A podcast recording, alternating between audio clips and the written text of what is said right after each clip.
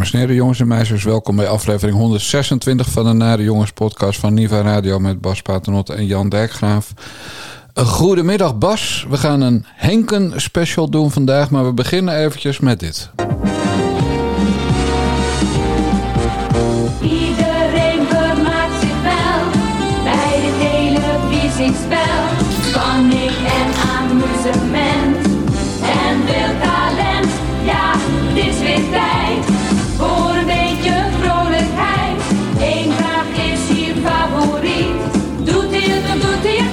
Nou, zeg het maar Paternot, hè. doet hij het of doet hij het niet?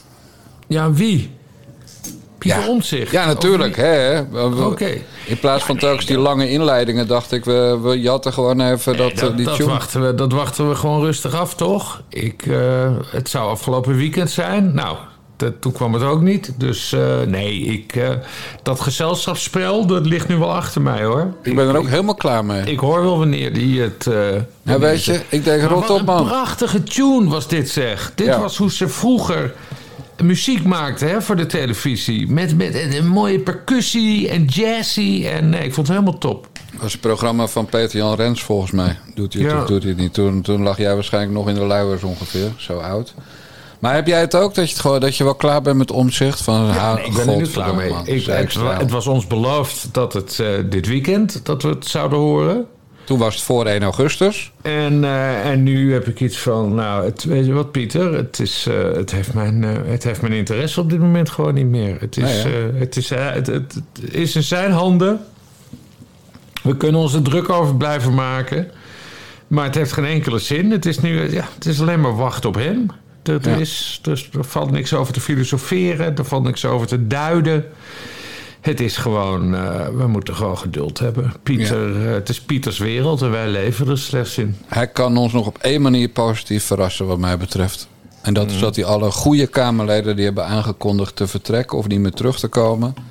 Dat hij die verzamelt en dat hij eh, dan een keer achter een tafeltje in Nieuwsport zit. Ja. Ergens deze week, hè, want hij heeft nu weer beloofd deze week. En dat, dat daar gewoon eh, ook Farid Azarkan zit namens de Partij van Omzicht. En ook Renske Leijten daar zit. Desnoods eh, de man over wie we het zo meteen gaan hebben, Henkie Nijboer daar, daar Ja. zit. Dat Kadisha Ariep daar zit. Kijk, dan zeg ik Omzicht, je hebt mij weer voor je teruggewonnen. Maar tot die tijd begin ik het nu gewoon echt een vervelio te vinden met dat Ja, ja dat, is, eeuwige dat, is- uitstel. dat is de theorie die we afgelopen zondag in de, in de moskee... Of de, of de mogelijkheid die we afgelopen zondag in de moskee hebben be- besproken. Hè, Pieter Omtzigt hoeft niet aan de verkiezingen mee te doen... met een, eh, met een totaal grote lijst met 50 man erop. Eh, hij kan ook gewoon meedoen met een lijst met 10 of 20 man... dat hij zijn eigen dreamteam samenstelt. Hè, al die prachtige namen die je dit noemt, zet hij daar dan op. En dan heb je een soort, soort, soort algemene rekenkamer in de Tweede Kamer... die alleen maar tof onderzoek aan het doen is... en, hè, en, de, en, eh, en de regering controleert... Ja, dan kun je dus geen coalitie met hem vormen. Maar dan heb je gewoon een dreamteam. Dat als echte Kamerleden dan met z'n tien of met z'n vijftien lekker aan de slag gaat. Ja, en dan Sylvana Simons als koff- koffiejuffrouw erbij of zo. Ja, voor het paaldansen. Sylvana, is Sylvana er ook bij? Nee, nee, nee, nee, nee, nee. nee. Onderzoek doen, zeg je. Je Ja. gaat alleen maar drammen over herstelbetalingen. Nou ja, vergeet je niet, verge- vergis je niet, je gaat het niet meer, we gaan het niet meer meemaken. Maar eh Savannah Simons, die, eh, die zit nog steeds in die voorbereidende commissie... die eh, de parlementaire enquête eh, fraudebeleid... wat dus grotendeels te maken heeft met, met het toeslagen, toeslagenschandaal... die is aan het voorbereiden. Dus ze weten inmiddels wel een beetje hoe je moet onderzoeken. Maar goed, Sil is... stopt ermee. Dus daar hebben we in dat opzicht eh, niks meer aan. Nee. En wat we ook niet moeten vergeten is dat eh, ruim een jaar geleden een bekende CDA-politica uit Enschede bekend maakte dat de landelijke politiek haar ook wel trok. Ja. Kuks, hoe zeg je dat? Kuks? Ijver, de vrouw van Omzicht. Ai, ai, voor- ja, ik heb het altijd gewoon over mevrouw Omtzigt. Dat schoft, je moet het respecteren als vrouwen een meisjesnaam willen houden. Ja, nee, Kotsch heet ze toch? Ja, zoiets. Ivor, Kotsch. Ja, mevrouw goed. Omtzigt. Die heeft dus vorig jaar in een interview gezegd: Ik wil ook wel de landelijke politiek in. Het zou natuurlijk verdomd grappig zijn als eh, de man op één staat en de vrouw op twee. Of andersom, ook grappig. Ja. Eh, maar hij moet echt nu met iets anders komen dan... eh, nou jongens, ik heb groot nieuws. Ik begin een eigen partij. Ja, dan heb je toch iets van... joh, flikker toch op, man. Want je kan wel eh, blijven wachten. maar- Het, het, is, het, het, het is, eigenlijk is het gewoon uit mijn systeem. Het is, we zien het wel. Het heeft, het heeft geen enkele zin meer. Het is, Pieter, verlos ons. En eh, ondertussen ben ik met andere dingen bezig. En jij ook. Ja, want het is de grote Henkendag. Het is niet voor niks de Henken Special. Want zojuist maakte Henkie Nijboer van de PvdA bekend eh, dat hij niet meer terugkeert. En voor jij nu weer een lofzang op die gast gaat eh, lopen zingen, omdat hij in je linker rijtje staat, heb ik even één fragmentje uit de tijd van eh, mevrouw Ariep. Dan heb ik aan hem gevraagd, hoe lang wist u het eigenlijk al? Wij hebben, ik geloof drie weken geleden, u heeft een uh, feitenrelaas gekregen uh, gisteren van, uh, van de voorzitter van de Kamer. Hebben wij een brief gekregen waarin veel meldingen stonden over veel personen. En dat hebben wij. Maar daarvoor had u er zelf nog nooit van gehoord? Ik heb wel eens, u heeft er ook wel eens wat van gehoord, maar niet zulke serieuze meldingen die ook gesteund werden door. door, door dus het was niet nieuw voor u? Door de leiding van de, van de Kamer. Dus het was niet nieuw voor u? Maar er zijn, deze meldingen waren nieuw voor mij. Ja, dat is in die zin interessant. Ook omdat we ook weten dat in het verleden binnen de Partij van de Arbeid ook wel dit soort discussies en problemen waren en, en geluiden waren over ja. Ariep. Blijkbaar de ernst in die meldingen nu, dat is dan blijkbaar is toch nieuw voor hem. Ja. Dat is wel interessant. Dan toch even waarom die opstapt. Hij zegt er is heel veel kritiek. Ja, dat geeft op zich toch niet, want hij neemt geen afstand van het presidium als je zijn verklaring goed Nee, hij staat achter dat besluit om dat onderzoek te doen. Alleen hij heeft dus blijkbaar zo'n ongemak met ja, dat hij en Partij van de Arbeid lid is en dan dus daarin zit. En dat er dan vragen zouden kunnen komen over de onafhankelijkheid van het onderzoek. Dat hij daarom eruit stapt. En we begrijpen ook dat de Partij van de Arbeid geen ander Kamerlid naar voren schuift. Oh, ze zijn gewoon niet meer vertegenwoordigd Die in het partij presidium. stapt eruit. Ja. Henk Nijboer zat dus in het presidium van de Tweede Kamer op het moment dat daar besloten werd om uh, onderzoek te doen naar Ariep. En dat leidde onmiddellijk tot haar vertrek. Ja. Uh, en Nijboer stapte uit het presidium omdat hij uh, zijn Judasrol blijkbaar uh, toch slecht kon dragen. Dat hij Ja, misschien wel slecht van slaap slaapt. het verkeer, hij heeft het helemaal verkeerd omgedaan. Hij had natuurlijk had eerst had gelijk moeten opstappen toen hij hoorde dat, dat, dat, er, dat er sprake zou zijn of dat er een voorstel tot zijn onderzoek was. Ja. Hij had meteen moeten zeggen: nee, gaan we niet doen. Ik stap nu uit het presidium, ik licht mijn fractie in. En ik licht ook de rest van Nederland in. Klaar. Ja. En dat dan is, is- dat is hoe je het moet doen. En dan is dat niet het enige geval van backstabben door Henkie Nijboer. Want er is nog een geval en dat heeft te maken met Gijs van Dijk. Gijs van Dijk werd Kamerlid voor de PvdA en werd ingewerkt door Henkie Nijboer. En ze raakten goed bevriend. En toen besloot eh, eh, het eh, bestuur van de fractie van de PvdA... dat bestond uit Lilianne Ploemen, Katy Piri en Henkie Nijboer... eh, om een beroep op eh, Gijs van Dijk te doen... terwijl de beschuldigingen nog heel vaag waren... en er nog geen onderzoek was verricht met... nou Gijs, je kan maar beter opzouten. En sindsdien heeft Gijs van Dijk nooit meer wat gehoord... van zijn goede vriend Henkie Nijboer. Nee, nee, nee. Dus twee partijgenoten heeft hij een mes in de rug lopen porren. Nou, mag jij nu vertellen waarom het erg is dat Henk Nijboer de Tweede Kamer verlaat? Nou ja, eerst even één ding rechtzetten. Want je, jij gaat er voetstoots vanuit dat Henk Nijboer in mijn linker rijtje staat. Maar daar, daar heb ik volgens mij nooit aanleiding voor gegeven. Iedereen staat in jouw linkerrij. Nee, gelul. Ik ben Henk Nijboer. Ik sta er totaal indifferent eh, in. Eh, Oh, dan ben je homofoob. eh, ja, nou ja, krijgen we dat. Nee, maar goed, Henk Nijboer, hij, hij was altijd iets wat kleurloos. Nou ja, op die blosjes, permanente blosjes op zijn wangen na. Financiële man van de fractie. Hij is echt komen bovendrijven in, eh, in het Groningen-dossier natuurlijk. Hè. Hij komt zelf ook uit, eh, uit Groningen. Eh, wat, wat ik trouwens echt jammer vind, dat wist ik helemaal niet. Ja, ik wist wel dat hij 11 jaar in de Kamer zat, maar ik wist niet dat hij nog maar 40 is. Hij is nog maar 40 jaar Ja, oud, ja. dus hij kwam op zijn 29ste in de Kamer. Ja, dit is dus iemand die eigenlijk best nog wel een, eh, een lange eh, eh, carrière... Nou ja, je mag het geen carrière noemen. een lange roeping voor zich had liggen als Kamerlid. En dat, dat vind één, dat vind ik echt doodzonde. Dat zo'n jonge vent, ook al zit hij er al elf jaar, nu al weggaat. Ja. Dit, is, dit zijn juist de mensen die je aan boord moet, moet houden. Waarom hij nu wel in mijn linker rijtje staat... is omdat hij gewoon zegt: Ja, fuck maar op met je GroenLinks. Ik heb er helemaal geen zin in.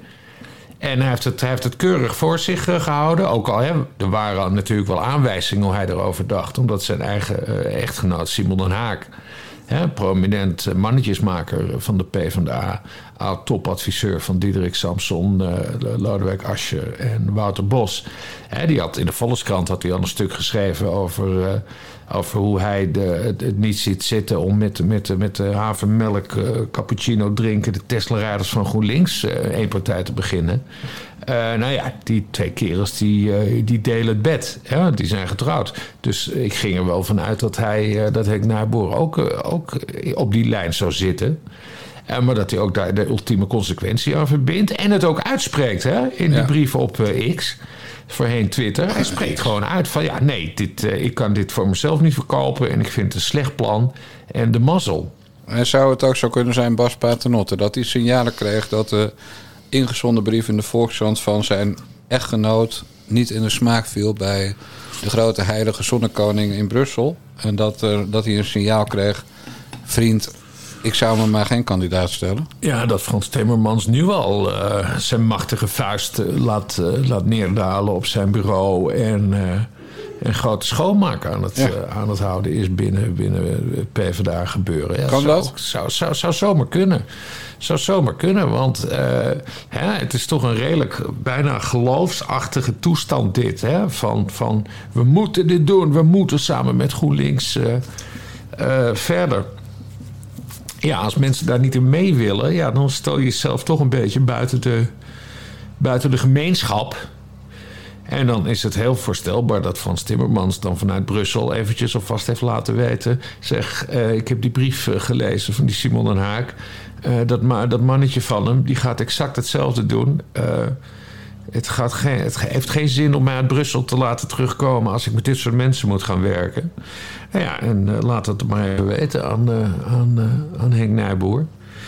En dan kan hij zijn knopen tellen. Nou ja, en of dat zo gegaan is, weet ik niet. Maar dat Henk Nijboer zijn knopen heeft geteld, dat is overduidelijk sinds vandaag. Nee, maar het is natuurlijk wel zo dat als het gaat om wie de lijsttrekker werd van die nieuwe combinatie, het precies zo ging. Eerst mocht Jesse Klaver even vertellen dat hij tijd vond dat het, dat hij, vond dat hij tijd, dat het tijd was voor vers bloed. Ja. En de volgende dag werd bekend eh, dat er een man van 61 met een hele dikke buik, blanke huidskleur uit Brussel zou komen En een hele overvliegen. lange geschiedenis bij de PvdA. Exact. Ja. Nog een nog deel uitgemaakt van Rutte 2 zelfs. Ja. Dus kan je nagaan. Dus het is natuurlijk ook wel een beetje wat je steeds bij, bij de PvdA en GroenLinks kan je niks meer vertrouwen als ze zeggen ik heb zelf de afweging gemaakt. Nee. Eh, want ze, het- ja, bij de lijsttrekkersverkiezing bleek ook al dat het gewoon eerst helemaal. Nou, Adje Kuiken is, heeft niemand ooit aan gevraagd: wil je eigenlijk lijsttrekker worden van die combi? Dus dat Nee. was wel chic van de journalisten. Hè, want dan was ze weer een, een kromme zin gaan, eh, gaan uitspuwen en dan had ze weer een hele rode nek gekregen.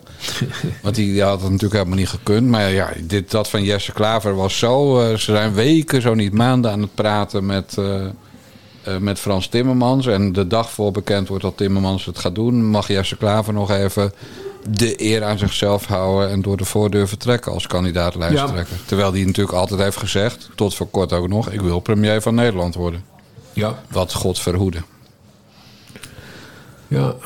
Nou ja, het is Maar vertrouw je nog mensen van die partijen, Bas Paternotte? Eh, nee, maar ik heb volgens mij nooit echt mensen van de PvdA en GroenLinks vertrouwd. Dat, zijn, eh, dat is wel een overeenkomst tussen die beide partijen. Dat ze leven op het elkaar backstabben. Ja. dat hebben we ook gezien met Sinius Deel en uh, hoe heet nou de jonkvrouw? Corinne Ellemeet. ja, Corinne Ellemeet, jonkvrouw Corinne Ellemeet. Die toen als vertrouwenspersoon aan de benen van Sinius Deel hem, ver, hem verriet aan... aan aan Jesse Klaver. En ja, de PvdA staat er ook onbekend om, om backstep eh, gedrag. Dus nee, ik heb altijd heel weinig sympathie voor die partij. Wat was dat dan met Eh, anders Sint dan, anders, dan, anders dan Lodewijk Asscher. Want dat, eh, Ja. dat is iemand aan wie ik mijn auto zou uitlenen... als ik een rijbewijs had in een auto. Nou, ik denk dat zijn moeder er dan in had zitten roken als oud-commissaris van Philip Morris. Ja, dat... Eh, stinkt hij naar rook. Maar, maar vertel nog eens dan, wat was er dan met Sinji Usdeel? Nou, eh, Cindy Usdeel, eh, die, had, die had problemen met Jesse Klaver. En besloot toen Jesse Klaver in een, gesprek waarin hij dat allemaal zou bespreken. besloot hij Jesse Klaver te gaan, gaan afluisteren met zijn met iPhone. En eh, die opname lukte niet. Daarom noem ik Cindy Usdeel altijd kleine Nixon. Want hij probeerde het wel, maar hij, hij faalde met afluisteren. En dat heeft hij toen aan Corinne Ellemeet verteld. Van eh Corinne, jij bent mijn vertrouwenspersoon. En je weet dat ik eh, moeite heb in de fractie. En dat het niet goed gaat tussen mij en Jesse. En nou ja, eh, ik heb nu dat gesprek proberen op te nemen. Dat is ook mislukt. En toen zei Corinne, och, och, Sini, wat erg allemaal. Nou, ik ga even koffie halen. En toen is ze direct naar Jesse Klaver gelopen en gezegd... weet je wat, dat Sini jou heeft afgeluisterd. En eh 24 uur later eh, was Sini Osdeel weg, eruit gebonjourd, de kamer uit, door Jesse Klaver. Ja. Wegens grensoverschrijdend gedrag, zo noemden ze dat toen. En er werd heel mooi bij verteld dat hij eh, tussen neus en lippen door... Wat, dan wat ze weer hebben... D66 is weer van hun hebben overgenomen. Namelijk dat Osdeel een alcoholprobleem zou, eh, zou hebben.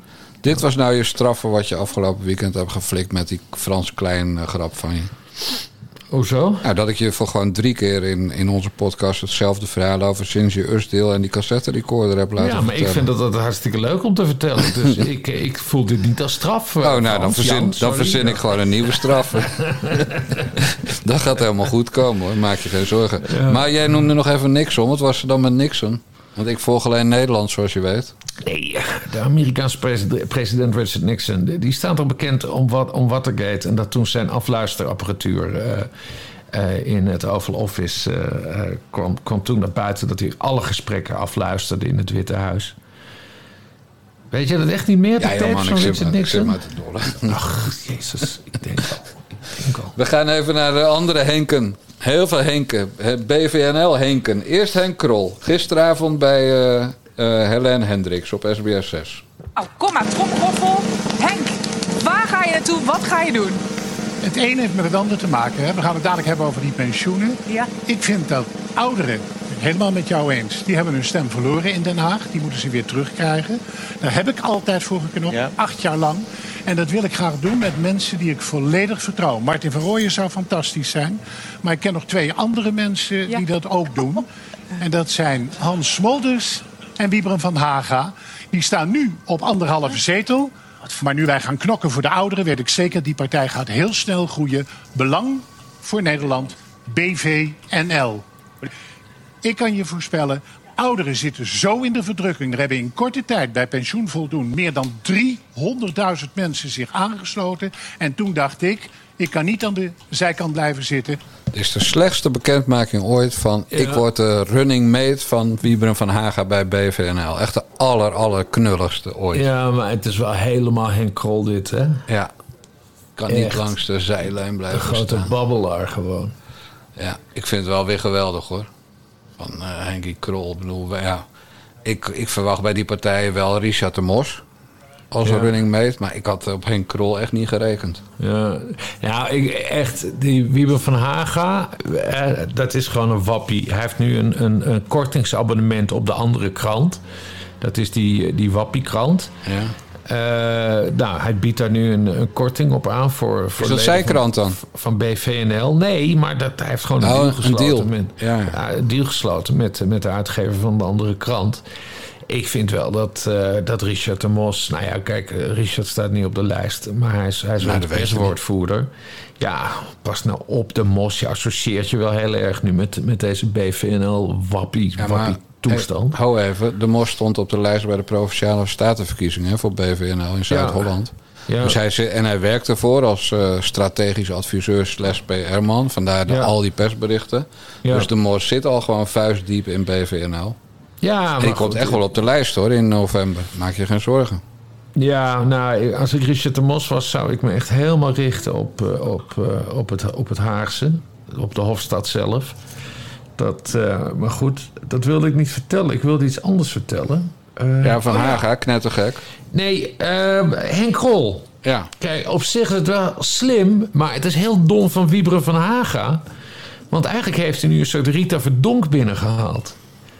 Ja, Rita Verdonk ging toen samen met Mark Rutte eh, de verkiezing in in 2006, zeg ik uit mijn Ja, hoofd. klopt. En eh, toen had Rita eh, meer, wij mogen Rita zeggen, had Rita meer voorkeurstemmen dan, eh, dan Rutte. En dat leidde allemaal tot gedoe. En uiteindelijk is ze toen voor zichzelf begonnen. En dat werd één groot het drama. gepleurd, ja. Maar ik zie Henk Krol nog wel meer focusstemmen binnenhalen dan, dan Wieber van Hagen hoor. Want Wieber van Haga die denkt, nou, ik ben de grote man... omdat hij bijna net zoveel eh, stemmen, voorkeurstemmen had... met de verkiezingen Met FVD toen, ja. met Forum. Ja. Hè, omdat, omdat Baudet net te gek was... besloten heel veel mensen op de nummer 2 te stemmen. Nou, dat was Van Haga. Eh, eh, en volgens mij verkeert Van Haga in de veronderstelling... dat hij nog steeds zo populair is... Terwijl het niet om Van Haga ging. Het ging erom dat mensen niet op Baudet wilden stemmen. Ja. En nu komen we wel in de situatie. Volgens mij kennen heel veel Nederlanders die hebben geen idee wie Wieper van Haga is. Maar volgens mij weet 90% van de Nederlanders wie Henk Krol is. Ja. En die zie ik dan opeens nog wel eh, helemaal ook. Hè, want daar heeft hij het zelf over eh, in die show met eh, Helene. Hij zit in zo'n collectief van. eh, Pensioenclaim, zeg maar. Ja, een soort pensioenclaim. Hè, dat ze 300 miljard terug willen claimen. Eh, maar daar zit natuurlijk een database aan. Want daar hebben allemaal mensen zich bij ingeschreven. Dus dat is een e-mailbestand. Met, zegt hij zelf, 300.000 bejaarden erin. Ja, ho, ho, ho, ik zit er ook in. Oh, Oké, en, en Jan Dijkgraaf. en, maar goed, eh, Henk Krol die kan dus zijn privécampagne gaan voeren met die 300.000 mensen. Maar dat mag niet. eh, En, en wat is, en wat is, de, wat is, de, wat is de kiesraad? Eh, of de, de, de- Nee, de- je moet in principe 70.000 stemmen hebben Nou, voor een Tweede 70.000 Kamerzetel. En, dan moet, en dan moet je meer hebben. Als, maar ze gaan echt geen twee zetels halen. Ook geen één. Maar stel dat ze er één halen. Ja. dan moet, en dan moet Krol dus meer stemmen hebben dan Van Haga. En dan gaat de zetel naar hem. Ja, dat Eh, bedoel ik. Mits dat meer dan een kwart van de kiesdrempel is. Ja, dus dat ja, is ja. 17.500. Nou, dat is Ja, het vanzelf. nou, dat, dat scenario. Maar jij denkt echt, jij gelooft echt dat Krol eh, zoveel stemmen gaat halen dan? Nee, maar ik zou het gewoon te grappig vinden als dit zou gebeuren en, en een balletje kan raar rollen. Ja. Want er zijn gewoon mensen die vertrouwen Henk Krol. Ja, ik snap het Mensen ook van niet. leeftijd die Ja. denken dat is een aardige vent, weet je wat? Ja, dat is waar. Dat is misschien, moet ik het, ga ik hem toch een kans geven. Die goede oude Henk Krol, die op zijn zeventigste, weet ik voor oud hij is. 73. 73, dat hij toch nog een gooi doet naar het Kamerlidmaatschap. En hij oogde eigenlijk zo aardig. En nou ja, het zijn vergeven dat dit zijn 66ste partij is. Eh, nee, ik eh, geef Henk Krol het voordeel, eh, het voordeel van de twijfel. En dan Pats en dan meer voorkeurstemmen dan Wieber van Haga. Nou, en dan lach ik de ballen uit mijn broek. Want dan gaat Van Haga de Kamer niet in en Henk Krol wel. Voor En BVNL. Voor BVNL. En dan gaat hij zich afsplitsen en zo. En dan krijg je de lijst Krol. En dan, eh, ja. Alweer, ja, dan herhaalt de geschiedenis zich. Ja, precies. Maar goed, Grappig, toch? Ja. er is nog iemand die denkt dat hij lijsttrekker kan... of dat hij de grootste kan worden bij die partij. Want eh, volgens een ander Kamerlid van BVNL, althans tot vanochtend... meneer Efraim, Ja. is het helemaal niet zeker dat Van Haga wel lijsttrekker gaat worden. Want die wil het zelf worden, begreep ik, uit een, een Twitterbericht van iemand wiens naam ik niet zal noemen. Ja, nee, Chris Albers die zit diep in. eh, die, zit, eh, die zit er diep in. Die, zit in al die eh, chatgroepen en appgroepen van al die partijen. En eh, eh, dus, dus het, officieel is het een partij. Ik weet helemaal niet hoe democratisch het geregeld is. Maar er is dus schijnbaar sprake van een congres. Waar Wiebren van Haga dus dan als eh, lijsttrekker gekozen moet worden. En die, die Olaf Efraim. Eh, die gaat Van Haga daar dus voor uit, uitdagen. En hij denkt dat hij, eh, dat hij de argumenten heeft en de kracht en het imago en, de, en, alles. stemmers, ja. Oh, En de stem, om, om voldoende stemmen binnen die partij te, te halen. Maar goed, het zijn, het zijn allemaal kneuzen. Zoals een collega van mij op Geen Stijl vanmorgen al schreef. Het is een, het is een kneuzenkermis, Dijkgraaf. Mooie alliteratie trouwens. Ja, Ja, dankjewel. ja jij bent toch goed met de K-alliteraties. Hè? Ja. Zeg ik als eh, kleine kaderkapelmeester uit Precies, de Friese precies. Precies. Eh, maar wie is die Efraim? Want ik, ik, ken, ik weet wel wie het is natuurlijk. Maar, maar eh, wat is er goed en slecht aan die man? Eh Efraim was de penningmeester van Forum voor Democratie. Hij was de opvolger van eh, die andere Henk, Henk Krol. En, Henk Krol bij Forum. Henk, Henk, Henk Otte. Otte. Oh ja. Die andere Henk, ja, Henk Otte bedoel ik. Eh, nou, Henk Otte die moest eh, weg vanwege malversaties, al dan niet. En toen werd, eh, toen werd Efraim eh, penningmeester. En daarna kwam Efraim op de lijst bij in 2021. En toen is hij dus samen met Hans Smolders en Wieber van Haga... zijn ze weer bij Vorm weggegaan. En zitten ze nu bij wat nu BVNL heet. Ja. Die Efraim, Op het moment dat trouwens de, pers, zeg maar, de website van BVNL werd bijgewerkt... stonden daar drie berichten tegelijk op. Hans Smolders keert niet terug als Kamerlid. Eh, maar eh, is wel voorzitter van de sollicitatiecommissie nou, voor de Kamerleden. Ephraim is door de sollicitatiecommissie onder leiding van Hans Smolders niet op de lijst gezet. Eh, of althans wordt geadviseerd om niet op de lijst te zetten. En Hans Smolders is ook een hele goede vriend van Henk Krol. En die heeft dus gezorgd dat Henk Krol bij die partij op de lijst wil. Ja, dus ja. Is vandaag over vannacht, letterlijk afgelopen nacht, over de rooien gegaan. Dat appje wat Chris Alberts publiceerde was van zeven minuten voor één vannacht. Als normale mensen al- zoals jij en ik al lang onder de wol liggen. Ja, zeker. Eh, dus hij was misschien wel bezopen. Maar het was, een, was ook een heel vilijn, zeg maar smerig bericht. Want er stond ook in dat hij eh Wieberen van Hagen op instorten stond. Ik had hem vanochtend gezien en hij zag er eh, Ja. heel slecht uit. Ik weet niet meer, Engelse term had hij daarvoor. Ja, en ook de, de fundraising. Hè? Ja, hij wilde Oh. poen hebben. Ja, nee, Olaf, Olaf zou ook bezig, was bezig met fundraising voor de Ja. partij. Maar eh, logischerwijze gaat dat natuurlijk niet door. Dus, Ja, dus hij... hij- FNL kan, kan, kan fluiten naar die tientallen miljoenen die Ephraim zou regelen. Op de website stond trouwens ook een vacature bij eh, BVNL. Ik heb er even op ge- gebladerd, die website. Mhm. En daar stond in dat hun berichten op social media... miljoenen keren per dag bekeken worden. Ja, nou. Dus ja, dan zal Wieberen van Hagen ook denken dat hij groter is dan Sander Schimmelpenning. En dat is ook niet Ja, waar. ja en hij, hij staat dus de hele tijd met één zetel in de peiling bij Maurice de Hond. Ja, En verder bij nul. En, en, en volgens mij betaalt hij Maurice de Hond daar gewoon voor. Want hij, heeft, hij laat vaak interne peilingen door Maurice doen. Eh, Mag ik Maurice? Ja, we mogen Maurice zeggen. En eh, dus ja, het is tijd dat, dat gegogel met die ene zetel. Nee, het is echt een kneuze kermis. Het is voor Hans Smolders wel allemaal één groot drama. Ook al maakt hij er actief onderdeel van uit. Want Smolders is, zoals we allemaal weten, de man die Volkert van der Graaf heeft achtervolgd. Net Ja. zolang tot de politie de moordenaar van Pim eh, in de, eh, wist te overmeesteren.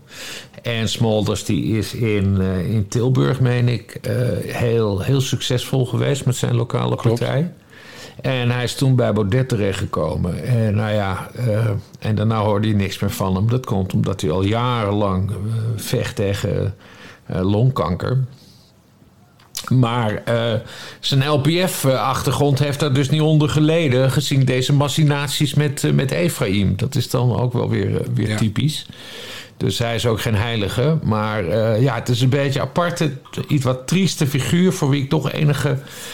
die wel in mijn linkerrijtje staat, laat ik het zo Ja. zeggen. En zet jij nog even op je to-do-list dat je Richard de Mos een appje stuurt?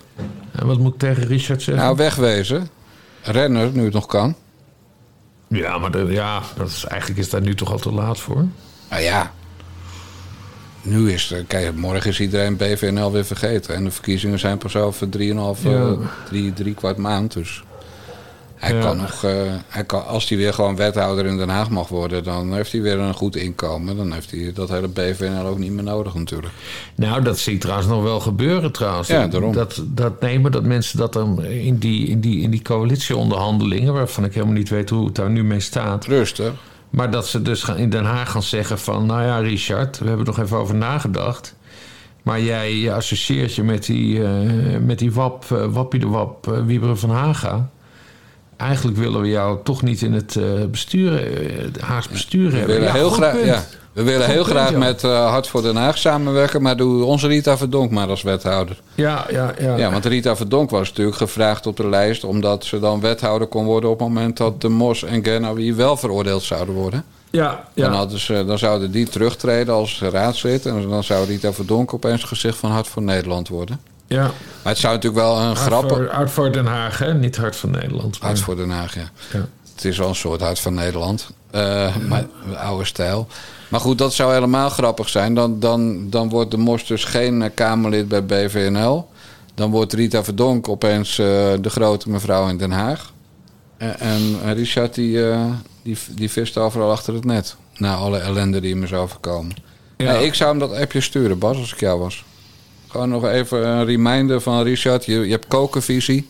Je denkt dat je bij leuke, verstandige mensen zit. Maar eigenlijk zit je bij, eh, hoe noem je hem nou? Wappen de Wap? Ja, nee, Wappen de Wap eh, van Wieberen van Haga. Wat Richard wel heel goed doet trouwens, is die functie als persvoorlichter. Ja, Want eh, je, krijgt, je krijgt om de 24 uur wel een persbericht van hem. Dat, Ik- Ter- terwijl wij aan het opnemen zijn, kreeg ik net nog een mailtje van Wiebren gaat nu poepen. nee, dus ik heb gewoon even teruggeappt, want jij zat toch lang te lullen. Nou, vergeet niet de stoelverhoger aan hem mee te geven. Ja, ja, ja. En het trappetje. Nee, maar de Mos is daar echt heel goed in. Die weet, dat, dat deed hij ook al bij Code Oranje en zo. Die weet heel goed hoe je cosmetisch eh, een partij heel groot kan maken. Van, hè, bijvoorbeeld als ze gaan samenwerken met iemand in een, in een gemeente. Ja, nou ja, dan heb je je partij uitgebreid met de gemeenteraad waar je in meedoet. Dat Ja. werkt. En sinds we dat in Haarlemmermeer hebben gedaan met die, eh, die, die vieze man eh, van Och, en ja, Bie. Jezus, ja. Paul, Paul nog wat. Oh, Sinds- nou, Paul? Ja, ik weet niet. Hij had in elk geval geleend uit de kas van de partij, die toen nog Forza heette. Ja, En, Paul eh, Meijer. Ja, Paul Paul Meijer. En, en dat geld eh, was des, dusdanig lang geleend dat de rechter zei... nou, eh, meneer Meijer, u moet het maar eens gaan terugbetalen.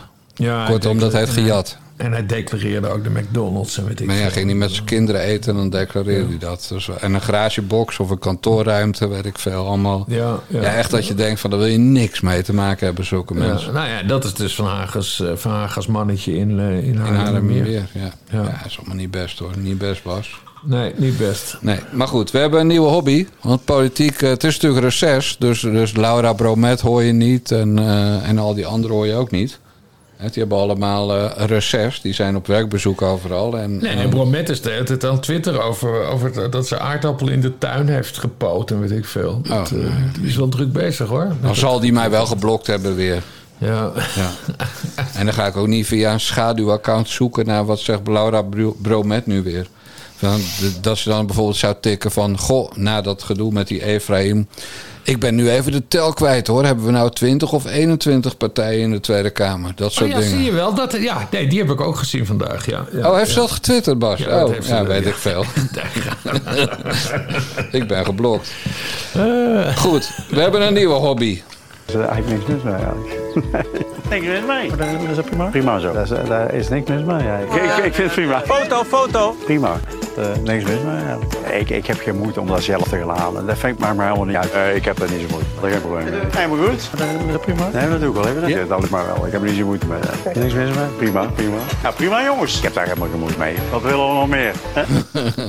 Ik hoorde tussendoor ook Ed, maar dat is niet de reden dat jij dit fragment had gekozen. Nee, dit is, dit is Olof, die samen met, eh, met Ed in, in Portugal eh, in de BNB van haar naam. Ik heb nog Marian. niet- Heet ze Marian? Ja. Nou, in de, in de BNV, BNB van, van Marian en die Olof. Maar nee, dat is een grappig figuur, man. Want eh, dat is, dat, is een pak, hè? Hij heeft een pak aan. Want Henny Huismans zit erin. Als je, als je, nee, maar als je heel goed kijkt naar zijn gezicht... Ja. dan zie je door dat, door dat plastic heen dat Henny Huisman erin zit. Die daar alweer boos over is, hè? Eh, dat hij genoemd wordt. Echt ongelooflijk. Die Olof, wat een, wat een, wat een... Ik vind het bijna zielig voor hem.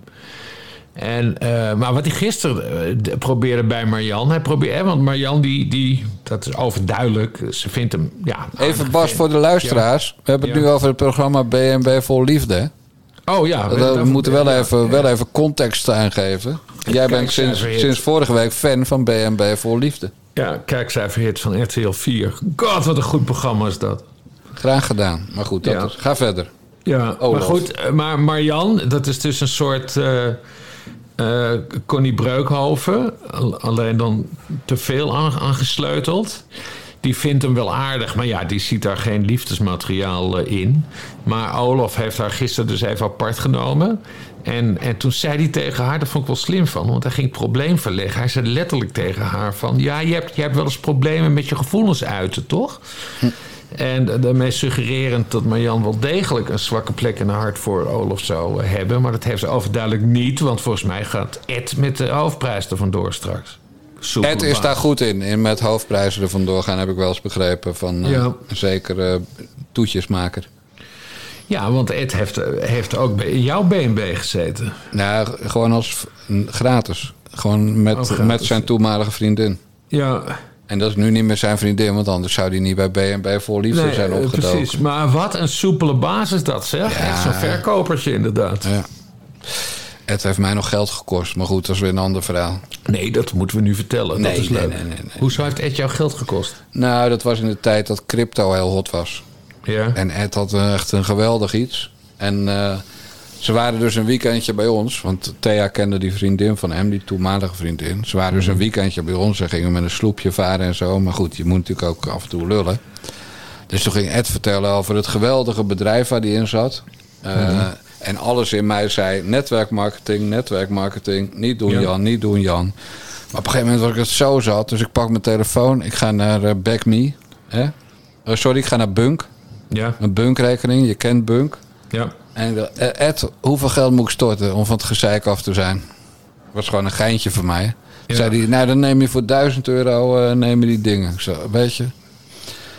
Hij keek Thea aan.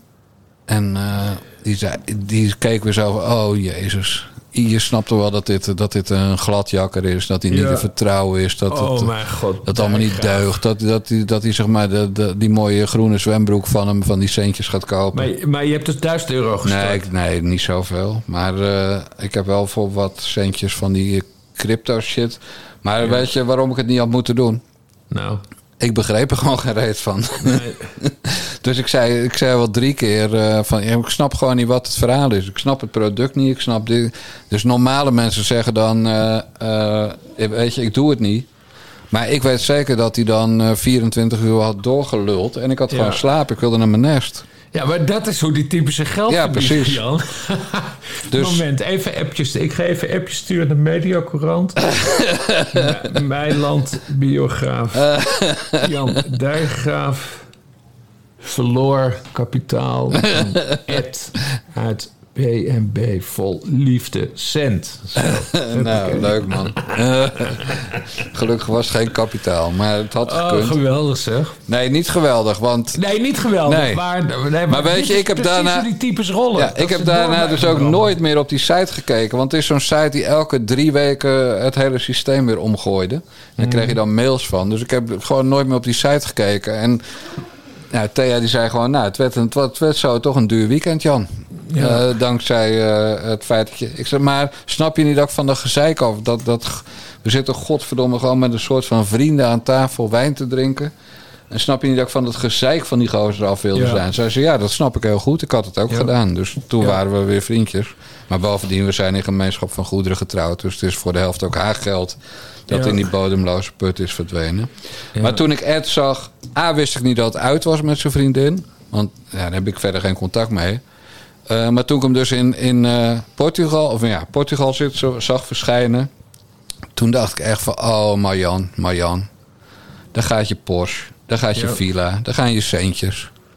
Want ja, trappen niet in. Want het ziet er gewoon voor zijn leeftijd heel erg goed uit, die vent. Ja, Eh, en hij heeft inderdaad een vreselijk gladde babbel. ja. Dus ja, daar gaat Marjan wel intrappen. Zeker omdat het contrast met die Olof. Zo, voor Ja. Olof zat er nog Jan. Heb je die ook nog gezien, die Nee, advocaat? Nee, nee, nee, dat heb ik gemist. Nou ja, dat was, dat was een. eh, dat was ook een hele rare man. Echt, eh, dat je denkt, is dat nou Willem Bol van vroeger? Of is dat Joep van het Hek? Of, Maar in ieder geval een hele enge man. Maar, maar die heeft ze dus weggestuurd. Omdat hij helemaal verliefd op haar was. En het was niet wederzijds. En toen hield ze Olof, die in, in de, zeg maar, de, de ruimte slaapt... Waar, eh, de, waar de machinekamer van het zwembad staat. Ja, hij slaapt in het vuur, hè? Ja. Ja, maar dat maakt hem allemaal niet uit. Ja, prima, is prima. Ja, maar vergeleken met Olof, wat inderdaad gewoon een slome doos is, is Ed natuurlijk een gouden pikkie. Ja, Ja, dus, dus ik, ja, ik, heb, ik weet niet hoe het afloopt en ik ga ook niet op Videoland vooruit kijken. Maar Nee. het zou me niks verbazen als Ed eh, deze mevrouw er met boter en suiker in laat En, gaan. en wat is haar achtergrond? Want ze woont... Ja, los ja, ze is in elk geval rijk, maar... Ze heeft het vreselijk geschilderd. Dat ziet, het- die villa ziet eruit als een taart. ja, Maar op zich is het wel een leuke villa met, met leuk uitzicht. Maar wat is haar achtergrond? Weet Ja, je dat? Nee, ik weet alleen dat ze rijk is. Ja. Maar ze Ze vertellen hebben nooit... niet uitgelegd waarvan ze rijk is Nee. geworden.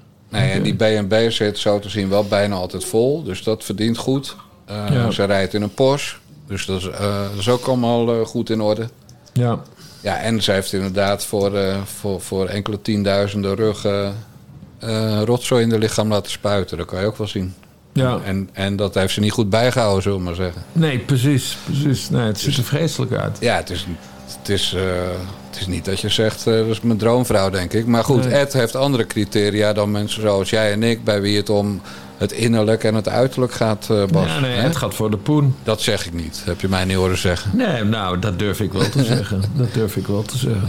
En verder heb ik, natuurlijk, heb ik ook erg genoten gisteravond van de fietsenmaker.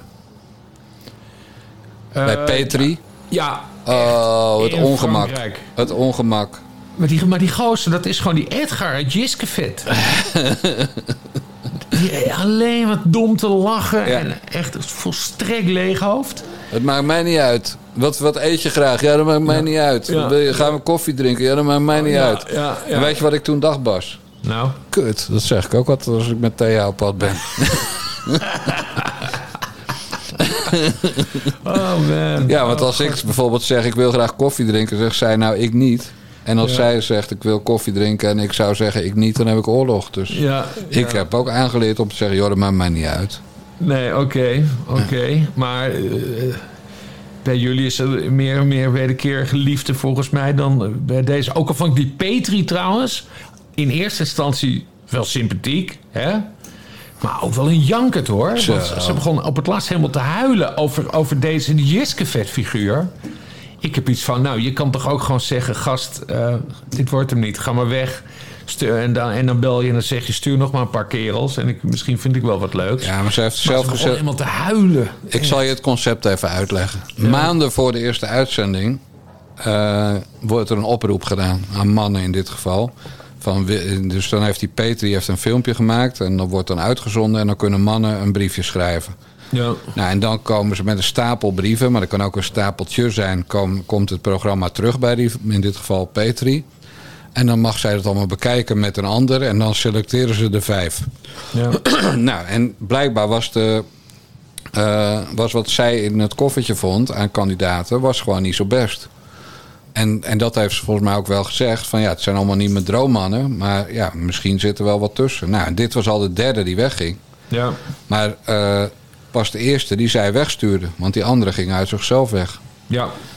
Eh, en één daarvan was gewoon een lul. En de tweede was een hartstikke aardige gozer, maar dat was niet haar type. Die zat bijvoorbeeld onder de tattoos. En toen zei ze, die tattoos Dat was die chefkok met dat... Ja, precies, eh, met een ja, sikje. Dat vond ik, ja, vond ik ook aardige vent. Ja, maar goed, die, die ging dus ook uit zichzelf weg. Ja. Eh, nou, en toen kreeg ze deze. ja, ik heb het vo- vorige keer, ik weet niet of het in de, de openbare podcast was of in een van onze exclusieve podcasts, achter petjeaf.com, naar de jongens. Maar toen heb ik al tegen jou gezegd, mevrouw Dijkgraaf vindt het allemaal zielige mensen en ik niet. Ja, ja. Maar deze fietsenmaker vond ik dus oprecht zielig. Ja. Ik denk van ja man, je staat zoveel lul. Want dan vragen ze, en denk je dat er een klik is, eh KFC? Ik weet niet hoe die heet, maar denk je dat er een klik is? Ja, ik voel wel een klikje. Ja. En dan hup, een scène met die, met die Petri. Is er een klik? Nou, wow, vreselijke man, weet je wel. En dat gaat dan Ja. zo achter elkaar door. Ja, Ja, die man en staat- Toen ze met zoveel woorden had gezegd: Je mag nu wel naar huis. Toen zei hij van. eh, hè, want zij zei het is heel dom, zei ze. Van ja, want ja, of we moeten nog langer, eh, langer proberen. Ja. Maar, maar dat zie ik eigenlijk niet. Hè? Eigenlijk zei ze van ga, ga weg. Ja, op hij van, Maar hij greep die één opmerking Ja. met beide handen aan. Van nee, ik blijf toch wel even hoor. Nee, misschien groeit er nog wel wat. En dat is zo, oh my god. Ze durfde ook geen nee te zeggen. Nee, eh, precies. Dus ze doet het zichzelf ook aan. Ja, maar ik vind het geen leuke vrouw. Nee, ik, nou ja, ik, ik vond haar eerst wel sympathiek. Totdat ze zoekt het drama gewoon wel een beetje op hoor. Dat, daar hou ik niet van. Ja, nou, dat is ook zo. Maar goed, fijn dat jij ook eindelijk... eh, Walter, zo- we moeten Walter nog bespreken. Walter, ja. Maar Walter is eigenlijk gewoon een aflevering op zich hoor bij ons. Ja, maar echt, die Walter, wat een figuur. Er- Er kwam gisteren dus een nieuwe mevrouw. Vreselijk wijf. Ja, die, die best wel wat weg heeft van hier heb je een appeltje. Ja, zeker. Mirjam Bikker. Mirjam Bikker Met blond type. haar, ja. En, maar die Walter, hij, hij ging optillen, hè, want ze wilde iets in een kastje leggen. En Ja. toen ging hij de eerst optillen. Nou ja, dat deed hij om even te, even te voelen. Hè. Even van, oké, heeft ze Oh, wel een even goede body. Maar daarna werd hij wel knettergek, want ze, ze is echt continu aan het praten. En, eh, en hij heeft dus een soort sekstempel. Tantra-tempel. Ja, maar, ja. ja, maar Wat, wat doet hij daar? Dan gaat hij seks hebben met al die wijven natuurlijk. Dat, ik zei hem gelijk, dat is, hij heeft zijn eigen sekstempel gebouwd daar. Viel je dat niet op? Ja, ik eh, volg het al vanaf aflevering 1. Dus mij, mij verbaast het niet eh, dat, er dat die tempel er is. Die heb ik al honderd keer gezien. Oh man. Maar normaal gaat hij alleen dansen en knuffelen hoor, met die wijven daar. Mm. Maar eh, word jij niet gek van die teksten van die gozer? Ja, maar het, het, het is een vreselijke vent verder. Maar zou je dat na kunnen doen? Want ik probeer het dan wel eens na te doen, maar ik red geen halve zin, joh. Ik denk, ik moet, ik moet binnensmond spugen dan, als ik Walter Ja, probeer ik- na te doen. Ik zag bij de voorbereiding eh, van deze aflevering... eh, zag ik een soort bingo-lijstje voorbij komen... dat iemand op Twitter bijhield over Walter. En ja, het zijn, het zijn allemaal van die dingen die je ook op die sites gewoon tegenkomt... voor, voor tantra-massages en weet ik veel. Hij heeft gewoon een vocabulaire van 20, 25 zinnen in zijn, in zijn, in zijn hoofd. En dat vuurt hij continu op, op die vrouwen af. Ja, ik vind het echt... Ik heb nog nooit aan een kandidaat daar zo'n hekel gehad als aan die Walter. Ik vind het echt Nee. zo'n lul van een gozer. Nee, ja, ik heb me ook op hem verkeken dus. Want hij leek me eerst wel sympathiek. eh, eh, Totdat, maar dat kwam ook omdat jij me dat uitlegde. Er zit allemaal strategie bij die man achter. Ja, en dan zie je dat er... Is die herrie bij jou of bij mij? Dat is ongetwijfeld bij jou, want hier is alleen maar de wind en de regen. Echt, jezus. Nou ja, ik Ga toch een er keer gebeurt. terug naar het Heitelaan, jongen. Ja, ja. Je bent natuurlijk toch altijd nog een, een Fries op Utens, of heet? Utens? Op Utens? Ja, nee, absoluut. absoluut. En nou zit je weer in de teringherrie daar. Enfin, hebben we ze allemaal gehad? Ja, er zijn ook nog andere kandidaten. Nee, maar we moeten- Thailand, dat, dat is een drama. Ja. Eh, met die houten lul van die olifant. Nou, dat moeten de mensen even terugkijken. En al- alleen, eh, hoe heet die, die favoriet van mij, die, die eh, vrouw van... Van Alfred van de Heuvel, de ex. Ah, ex van Alfred van de Heuvel, die zat er niet in deze keer. Dus, eh, Nee, ze zitten er niet elke keer allemaal in. Dat heeft ook wel iets... Eh, maar goed, het is een, eh, ik ben blij dat je eindelijk een beetje de hogere cultuur hebt in, kunnen en intrekken. vanavond half negen zit deze jongen weer voor de, voor de buis. Ik hoor, ga ervan uit, ja. ja. En aantekeningen maken voor de Naar de. Jongens podcast. Ja. Ja, misschien moeten we ook allebei die namen van die mensen eens gaan, gaan opschrijven. Nou Dat- ja, maar dit is, dit is wel typisch zo'n zo'n onderwerp. Hè? Want we zijn dus bezig met het doel van 2500 petjes... voor die, voor die culturele podcast die we willen gaan maken. Eh, we kunnen dan, eh, als, als we zover zijn... eh, dit soort zaken veel meer behandelen. En we kunnen zelfs bij 10.000 petjes... Dan, gaan, dan, dan komt er sowieso een, een hele extra podcast-serie... alleen over dit soort programma's. Als wij 10.000 petjes hebben, Bas Paternotte... dan kopen wij gewoon na een jaar een, eh, een studio in de Belgische Ardennen.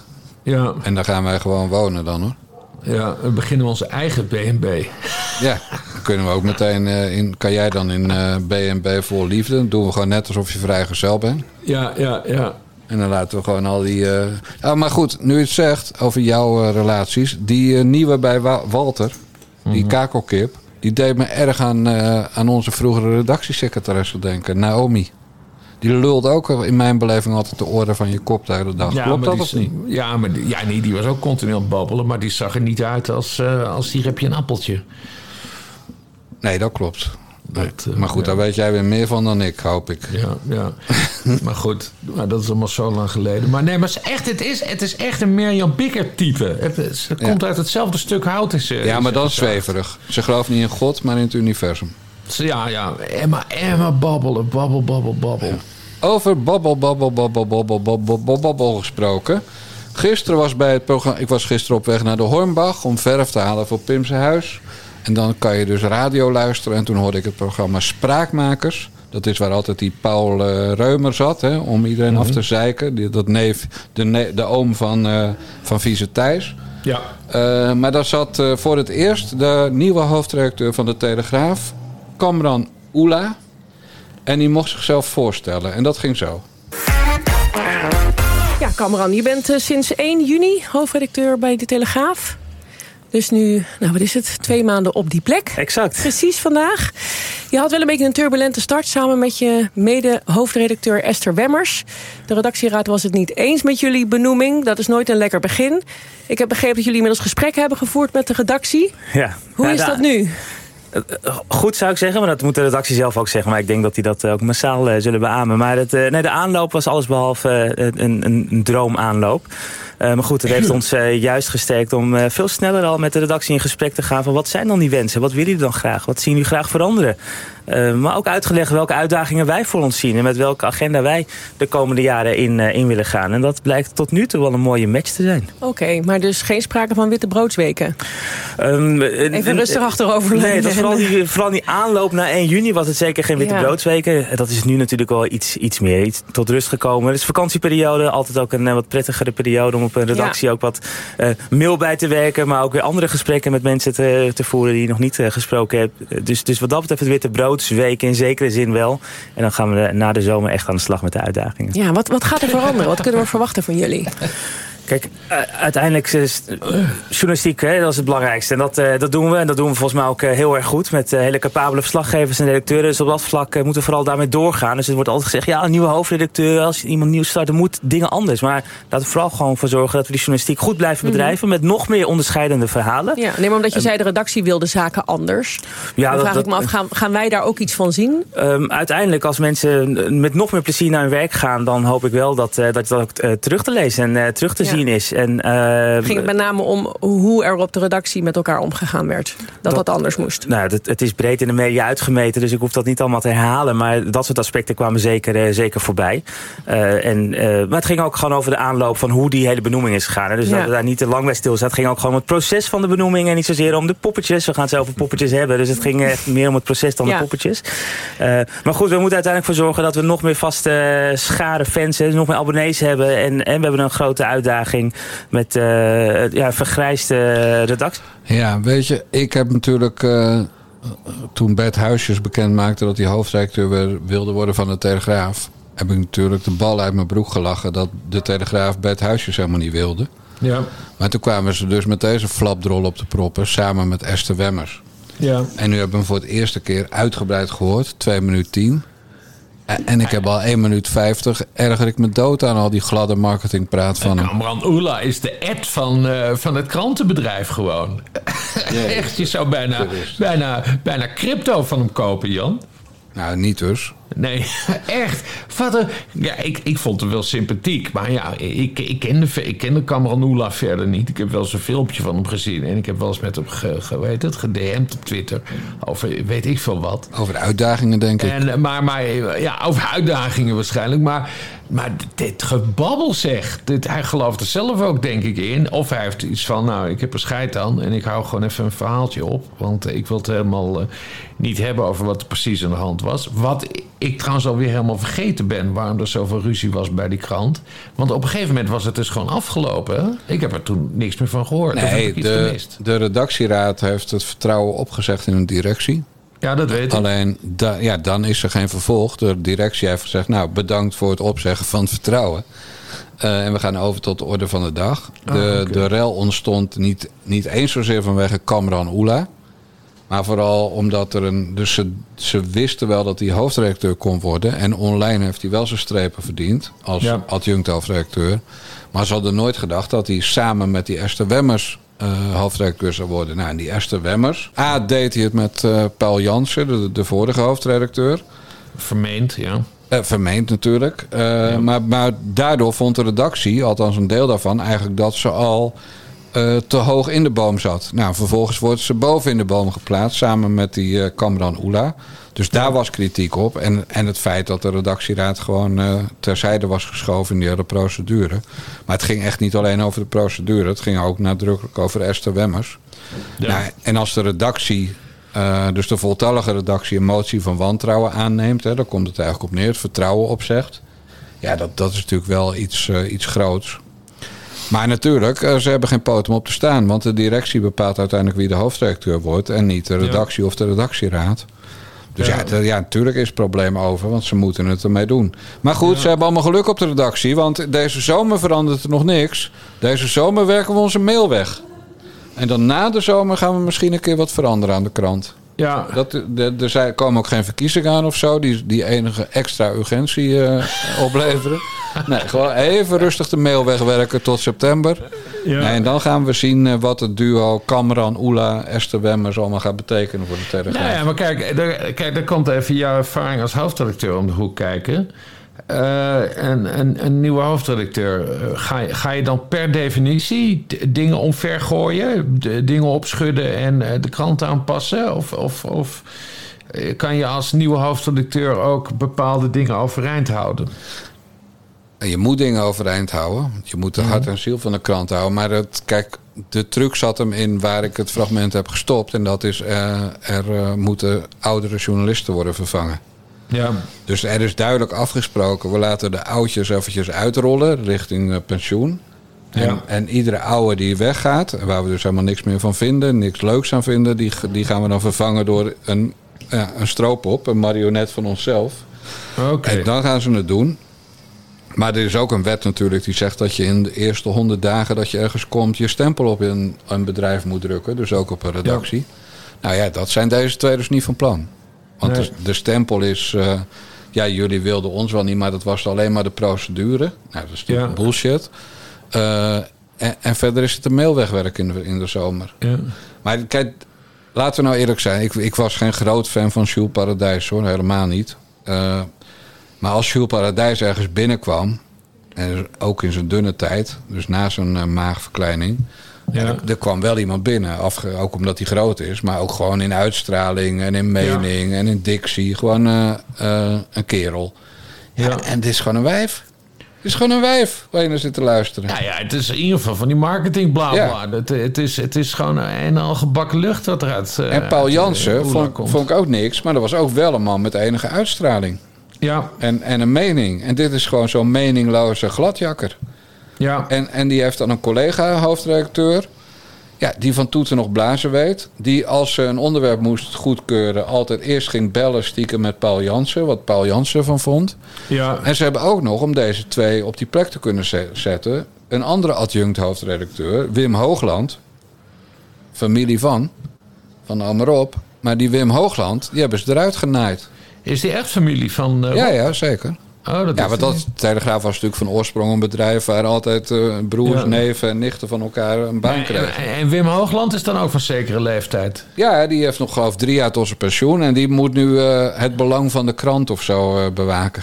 Dus kijken wat de mogelijkheden dus, nog zijn Dus de missie van Oela als nu om sowieso zoveel mogelijk van die oude lullen eruit te gooien. Nou ja, die, nee, eh, te wachten tot ze met pensioen gaan. Want dat is vaak goed. Je kunt die laatste nog een beetje werken. Ja, nee, goed. precies. Nou, ik begrijp wat je bedoelt. Ja. Ja. Dus dat die eh, uitsterf... eh hoe heet dat? Ste- uitsterf ja, eh, gewoon eh, uit laten veden tot ze eh, of dood neervallen of eh, naar de AOV ingaan.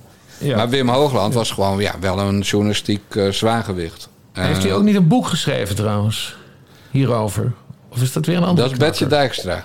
Oké. Ja, Bert is, eh, is verslaggever, al 100 jaar, en was columnist. Die is zijn column verloren toen Paul Jansen kwam. Hmm. Eh, en, en dat eh, vond Bert geloof ik niet leuk. En in dat boek heeft Bert Faction geschreven. Dus dat is een mix tussen waar gebeurt en niet. Maar Ja. ik ken best wel veel mensen bij de Telegraaf. En ik kon zo 15 namen invullen van... oh, dit is de broer van Ja, Michiel Blijboom. Dit is Jolande van der Graaf. Dit is Paul Jansen. Dit is Esther Wemmers. Je kon zo... eh, dit is eh, Ja. John van der Heuvel. Je kon zo al die namen wel invullen. Ja, nee, ik heb een digitaal abonnement op de T, maar ik, ik lees het vooral voor de parlementaire redactie, die echt heel erg goed is met eh, Inge Lengten als chef. En dan heb je nog allemaal van die jonge kerels die eromheen draaien. En uiteraard Wouter de Winter, hè, de, de politiek commentator van de krant. Dus ik hoop dat, dat onze jonge vriend Cameron Oela de parlementaire redactie in ieder geval in stand laat. En, maar ja, dat zal hij sowieso moeten doen eh, tot, tot en met de verkiezingen natuurlijk. Ja, maar het is gewoon een angsthuis. joh. Die gaat helemaal niks veranderen bij die krant. Nee, nee. En dat is ook, eh, ik bedoel, dat moeten ze ook allemaal zelf weten. Maar, maar ik moet wel zeggen, ja, dan had ik, nu ik dit heb gehoord, had ik toch liever bedhuisjes gehad. Want je kan veel van bedhuisjes zeggen, moeten we ook vooral doen. Hè? Gladjakken, likken naar boven, trappen naar beneden. Maar het is wel van oorsprong, dus vroeger, was wel een echte journalist. Ja. Eh, en, en dat kan je van Cameron Oela, Oela en Esther Wemmers vooralsnog niet zeggen. En ik heb ook een digitaal abonnement. En ik lees hem voor de columns. Van Nausicaa, eh, van Plasterk. Er staan gewoon nog altijd goede columns in. En nou, Ja. Rob Hoogland vind ik het nog altijd zonde dat hij niet fulltime columnist is gebleven. Omdat hij daar zichzelf te oud vindt. Ja. Eh, dus dan heb je de ene dag heb je Rob en de andere dag lees ik hem niet. Nou, dat werk. Maar nee, het is, het is toch... En die gaan ze er ook niet uitgooien. Dat gaat hij ook niet durven, die Kamran Oela. Want die- Nee. die, wil gewoon geen, die wil gewoon geen protesten, geen gezeik.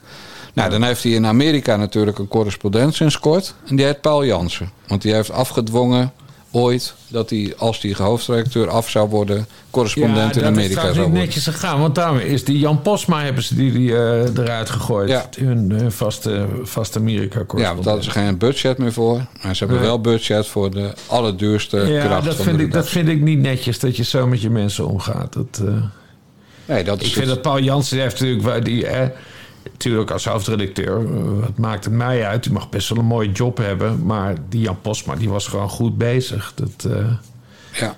Was er niet iets anders te, een andere constructie te, te bedenken om... eh, om Paul Jansen een, eh, een gouden, gouden horloge mee te geven. Ik qua, qua, qua- Ja, dit is meer dan een gouden horloge hoor. Dit, dit is, eh, Ja, nee, dit- dat- dat wil die houdt wel per jaar jouw Rolex over. Die jij Ja. zo graag wil kopen. Voor Ja. 35.000? Nee, dat meer? is het probleem. Ja, 75.000 eh, euro. Nou, Paul Jansen is nog altijd de best betaalde medewerker van de Telegraaf, durf ik je te vertellen. En eh, ja, nee, dat is inderdaad heel erg smerig gegaan. Maar qua gezicht van de krant is, is dit natuurlijk wel belangrijk. Want wat Paul Jansen die deed, dat, hè, daar kun je van vinden wat je, wat je, wat je, wat je wil. Maar eh, hij deed dat op tv, deed hij dat gewoon Tuurlijk. hartstikke goed. Als Ja, je man. bij hè, ochtendprogramma's of bij, eh, bij WNL op zondag eh, aanschoof. Daar deed hij gewoon hartstikke goed.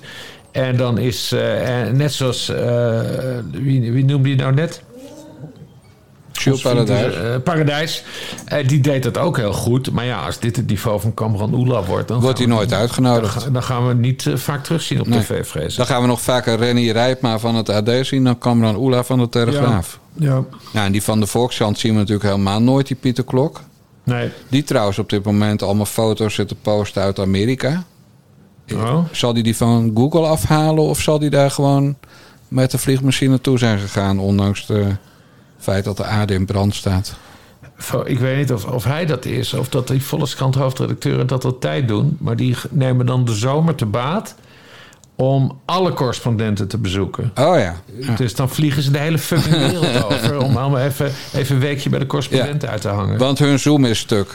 Ja, precies. nou ja, ik snap het wel. Het is natuurlijk wel even leuk om daar te kijken. Maar ja, als je dat met alle correspondenten doet, ja, dan is de fucking wereldreis. Ja, en dan hebben ze ook nog een keer één keer per jaar dat alle correspondenten En naar Nederland komen Ja, ze komen ook nog eens naar Nederland. Ja, Oh precies. man, man, man. Dat kan je dan toch doen, hè, zou ik zeggen. Als je inderdaad vindt dat de aarde in brand staat. Ja. Terwijl het in, in Eester gaat met alle... eh, ja, moet ik in alle eerlijkheid zeggen... is dan de brandweer al dagenlang vol aan het uitrukken, hoor, van boven. Want eh, het stort buiten echt de hele dag hier. Ja, de twee sneetjes al ondergelopen. Eh, ze zijn wel nat. Ja, geweldig. Dat is, eh, ik weet niet of we dit in de moskee hadden besproken of in de openbaar. In de moskee doen we zulke dingen niet. Omdat natuurlijk de helft van het publiek dan ter rechterzijde... eh, Ja, zie, je, zie je ook sneetjes. Maar dat zijn dan die brievenbussen in de jurken van die vrouwtjes. Ja, precies. Ja. Maar eh, Bas, wat een smerige, smerige insinuatie weer. Alsof Ja, wij in de moskee ooit vieze dingen doen. Nee, dat is waar. Dat- Maar mensen die willen weten wat wij in de moskee doen... en tijdens bellen met Bassie... die moeten gewoon naar petjeaf.com naar de jongens. Die moeten voor 4 eurotjes per maand of 40 euro per jaar... een abonnement nemen. En stel nou dat je 40 euro per jaar uitgeeft... dan krijg je dus, laten we even zeggen... 100 extra podcast achter het betaalmuurtje, zoals dat heet. Ja. Dus dat is gewoon vier dubbeltjes per stuk.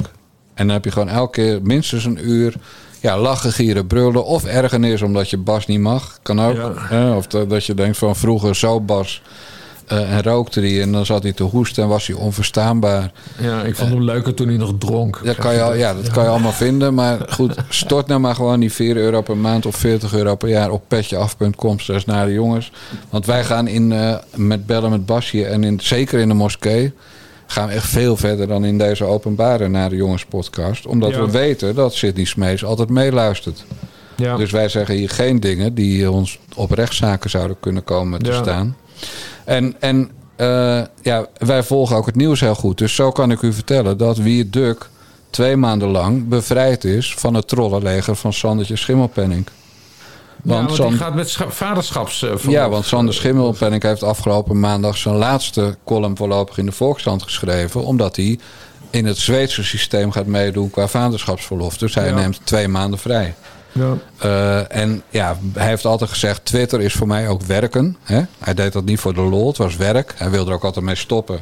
Nou, dan neem ik aan dat als hij twee maanden verlof heeft en geen column schrijft, dat hij ook twee maanden met zijn tengels van Twitter afblijft. Ja. Of X, moet ik geloof ik van jou zeggen nu. Ja, het heet, het heet inmiddels X. Nee, dat is trouwens wel een goeie, ja. Want, hè, want eh, dat heeft hij wel eens verteld inderdaad. Dat hij, eh, dat hij X, Twitter, eh, als, een, als een soort proeftuin ziet voor zijn columns. Hè. Dus Ja. je schopt daar een beetje tegen de dingen aan. Dat is trouwens een heel goede manier hoor. Doe ik ook. Doe ik ook, ja. Altijd. En, en dan rolt er misschien wat uit en dan heb je opeens een column te pakken. Maar ja, goed, als meneer tijdens zijn zwangerschapsverlof toch door gaat twitteren, maar geen columns levert, ja, dan. eh, Geef hem aangeven bij de Zweedse overheid. ja, dat niet, maar dan is het misschien toch een Twitter-verslaafde. Ja. In plaats van dat hij het puur eh, instrumenteel... Ja, eh, dat vindt hij toch leuk stiekem. Ja, Ja, en, en ik heb even nagezocht eh, hoe dat zit met dat zwangerschapsverlof in Zweden. Dat is tamelijk gecompliceerd. Maar man en vrouw samen die krijgen eh, een, een bepaald aantal uren die ze mogen opnemen. Eh, ze mogen zelf verdelen hoe. Mits de man maximaal of minimaal 90 uur opneemt. Ja. Eh, dus ja, dat is gewoon heel, heel serieus. Werkuren. Eh, of dagen. Nee, dagen. Ik weet het niet meer. Maar in elk geval belachelijk lang verlof. ja. Ja, be- nee, ik ben het vergeten gewoon. Dat, dat Ja. komt mijn geheugen kut is. Dat is de eerste zin van mijn autobiografische roman, zoals Ja, je weet. ja, Eh, ruk, moet ik zeggen. Want kut was weer een fout. Maar in elk geval, hij heeft dus nu ook sinds kort in zijn Twitter-bio als woonplaats Göteborg staan. Ja. Dus dat betekent dat er best wel een kans is dat hij gebruik maakt echt volledig van het Zweedse systeem. En dat voorziet er ook in dat zelfs zelfstandigen, en dat is hij, een uitkering krijgen tijdens het verlof. Oh, geweldig. En die bedraagt 780 euro per maand. Ja. Oh, hebben ze de euro's, geen kronen? Nee, ik heb het omgerekend. Oh, Oké, oké. Tuurlijk hebben ze daar kronen. Ja. Maar goed, niet dat Sander Schimmelpenninck zijn nest uitkomt voor 780 euro. Maar het is toch wel profiteren van het systeem. Ja, nou ja, ik vind het, ik vind het op zich wel interessant. Als hij zijn muil houdt, Bas, mag hij van mij 7000 in de maand krijgen. En het, ik, ik vind het allemaal wel interessant. Maar ik ben benieuwd of hij dan nu ook naar die, naar die oesters gaat duiken. Want, want zij kan nu niet duiken natuurlijk. Nee, maar hij mag ook niet werken nu. Want hij Nee. neemt verlof, van, zegt hij zelf. Hè? Ja, dus oké. Maar goed, Weer Duk is dus, dus echt wel fijn voor. Want die krijgt echt dagelijks dat trolleyleger, trollenleger Ja. van, van die kleine graven achter zich aan. En ik zeg altijd tegen Wiert, maak je niet druk. Maar, maar soms denk ik ook, ja Wiert, doe gewoon maar toch maar een keer aangifte dan. Hè? Ja. Dat ze je weer nazi noemen of fascist of weet ik het Oh, allemaal. ik heb, ook, heb je gezien? Ik heb ook een troll achter me aan. Wie dan? Ja, Marco Molenaar heet hij. Een D66er. Ja, hij is eh, actief voor D66 in, eh in Etteleur, meen ik. En eh, ik weet niet eens meer hoe de discussie begon, maar het komt erop neer dat hij mij wil castreren. Oh? Pre- preventief castreren. En hij betaalt de kosten. Oké. En ik vind dat dus niet, ja, ik, ik vind het niet heel bedreigend. Maar ja, het, het, is, het is dus een D66-figuur. Die met een soort digitale fakkel mij nu al een paar dagen lastig aan het vallen is. En ik vind dat eigenlijk niet zo netjes van, van de partij van Sigrid Kaag. Dat je, dat je stukjes schrijvers zo lastig gaat vallen. En ik vind het ook buitengewoon onsmakelijk. Dat, dat ik dan preventief gecastreerd. En niet gesteriliseerd, nee, gecastreerd. Ja. Het eh, doet toch denken aan Jozef Mengelen. Nou ja, ik wil, het, niet- ik wil het niet daar meteen op gooien. Nee, ik wel. Het, het is, ik vind dat gewoon raar dat je iemand wil castreren. Wat de fuck? Wat, dit, dit, ik dacht dat jullie bij D66 allemaal van die keurige mensen waren. En dan ga je opeens zeggen dat je Bas Paternotte preventief wil castreren. Nee, ik, eh, ik, vind het, ik vind het heel erg ongemakkelijk. Ik ga er niet een groot ding van maken. Want het is, ja, het is een heel klein mannetje. Maar het is, het, ik vind het zo opvallend dat het een D66er is. En dat is Marco Molenaar uit Etteleur. Ja, molenaar met dubbel O. Oké, en, en wat doet hij bij D66? Afdelingsvoorzitter? Of, eh? Hij, hij, hij, hij, eh, hij leidt de, de, de campagnes in Etteleur. Dus het is echt een actieve... Oh, het is een soort D66er. Sjoerd, de Sjoerd Sjoerdsma van is Etteleur. soort Sjoerds, maar van de D66 in Etteleur. Altijd, je weet het gewoon, als ze dezelfde voorletter hebben in hun voornaam als hun achternaam. Ja. Dan heb je met een Sjoerd Sjoerdsma-achtige te maken. Marco Molenaar, MM, Sjoerd Sjoerdsma, SS. Het is gewoon, het is vastpandoer. Zo herken je Oh, hij, ze. Hij, hij heet trouwens Mark Molenaar. Maakt niet uit, ook. Marco, Mark Molenaar. Ja. Mark Molenaar met dubbel O uit Etteleur. Ja, Beste mensen. bedenk ik me nu. Hè? nee, hij komt uit Geldrop, zie ik nu. Maar... Beste mensen, Mark Molenaar met dubbel O uit Geldrop van D66. Als u hem voor uw auto krijgt, wel remmen. Ja. Als hij dan op de grond ligt te gillen van... hij reed me aan, hij reed me aan. Hè, want zo zijn die D66'ers. Dat is- Die liegen ook over het drankgebruik van Johan Remkes. Maar als hij dan gaat gillen, hij reed me aan, hij reed me aan. Duiken bovenop. Pak zijn schaar af waarmee hij op weg is naar Bas Paternotte... om hem preventief te castreren. En, en, en eh, stuur die, die schaar gewoon op naar de politie als bewijsmateriaal. Ja. Want Mark Molenaar uit Geldrop van D66... die moet gewoon achter de tralies. Als je, als je de mensheid nazaten van Bas Paternotte wil onthouden... hoewel Bas Paternotte, naar mijn weten... geen enkele intentie heeft om nazaten te produceren... maar dat maakt helemaal niet uit. Dat is het erge. Dat had ik dus... Iemand vroeg aan mij... Bas, wil jij kinderen? En ik zei nee, ik heb ook geen kinderen, gelukkig niet. En toen kwam hij eroverheen door te zeggen... nou, desondanks ben ik eh, bereid om een preventieve castratie voor jou te betalen. Castratie, echt, hoe haal je het in je fucking hoofd? Je gestoorde idioot ben je dan En toch? maar weet je wat dat voor mij zou betekenen?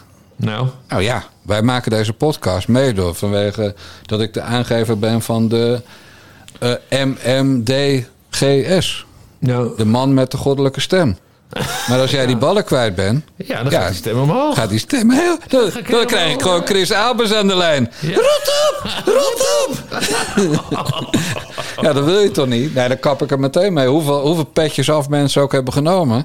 Ja. Als ik met Chris Albers moet bellen, dan, dan trek ik abrupt de stekker uit de Nare Jongens Ja. podcast. Ja, maar goed, Mark, Mark Molenaar Uit Geldrop. D66, Geldrop Mierlo dus. Wat een eikel. is Oh, hij kan ook in Milo wonen. Weer Ja, zo. het heet Geldrop Mierlo. Dat is eh, hoe ze het daar hebben. Ja, dat is natuurlijk omdat ze zo klein zijn daar dat ze die, die gemeentes hebben samengevoegd qua, qua partij. Ja. Maar goed, we gaan even opzoeken waar hij precies woont. En dan gaan we dat Ja. niet doxen, want wij zijn tegen doxen. Dat vinden we gemeen. Maar hij is, hij is dus sinds september 2021 lid van de campagnecommissie. Dus hè, hij gaat over de campagnes in eh, Geldrop Mierlo. En hij beheert ook nog eens de website en social media van, eh, van, eh, van de afdeling. Gewoon een talent is dat in hun ogen ja, dan. absoluut. absoluut. Ja, en die, die Ja. draait nu daar in Gelderop Mierlo een beetje warm op de ballen van Bas Paternotte. Maar voor je het weet zit hij als mager mannetje in de Tweede Kamer. Nou ja, Ja. ze ze worden wat kleiner, maar stel. Ja, want dat wordt de volgende beschuldiging van ja, Paternotte heeft gedronken. Ja, terwijl Paternotte gewoon al een jaar van de drank af is. Precies. Ja, dan loopt hij toch even een paar jaartjes achter. Want eh, tot voor kort had hij dat gewoon elke dag kunnen roepen en, en zonder te liegen, denk ik. Ja, maar in november hè, dan... eh Ja, nee, eind oktober al. Eind oktober. Ja. Dan heb ik een jaar niet gedronken. Heel goed, man. En, niet en, en volgende maand een jaar niet gerookt. Echt, niet normaal. Hoe knap dat is. En, en, en, mooi- en deze week krijg ik ook nog een loopband als het goed is. Dus, eh, Heb je hem besteld? Ja, nee, ga ik zo meteen doen. dat schiet ook niet op, hè? ja. Nee, maar vandaag komt de Albert Heijn. Dus ik had hem, gisteren kon ik Ja. hem niet bestellen. Want dan komt hij tegelijk met... Dan weet, je weet hoe dat gaat. Dan bestel je iets. En dan is de Albert Heijn er ook. En dan loopt alles door elkaar heen. En uiteindelijk heb ik dan geen boodschappen. En, geen, en niet wat ik besteld had. Dus altijd als je dingen bestelt... Altijd scheiden. Je moet ze op aparte dagen bij je huis Ja, laten maar je, komen. bovendien lul je gewoon. Gisteren was mevrouw Paternotte er niet. En jij durft niet open te doen als Albert Heijn aanbelt. Omdat je bang bent dat het Marokkaantje van het hekje is. En dat je herkend wordt. En dan weten ze je adres. Ja, dan weet je wel wat er gebeurt. Goed. Bas, ik zeg Nou. de mazzel. Doei doei.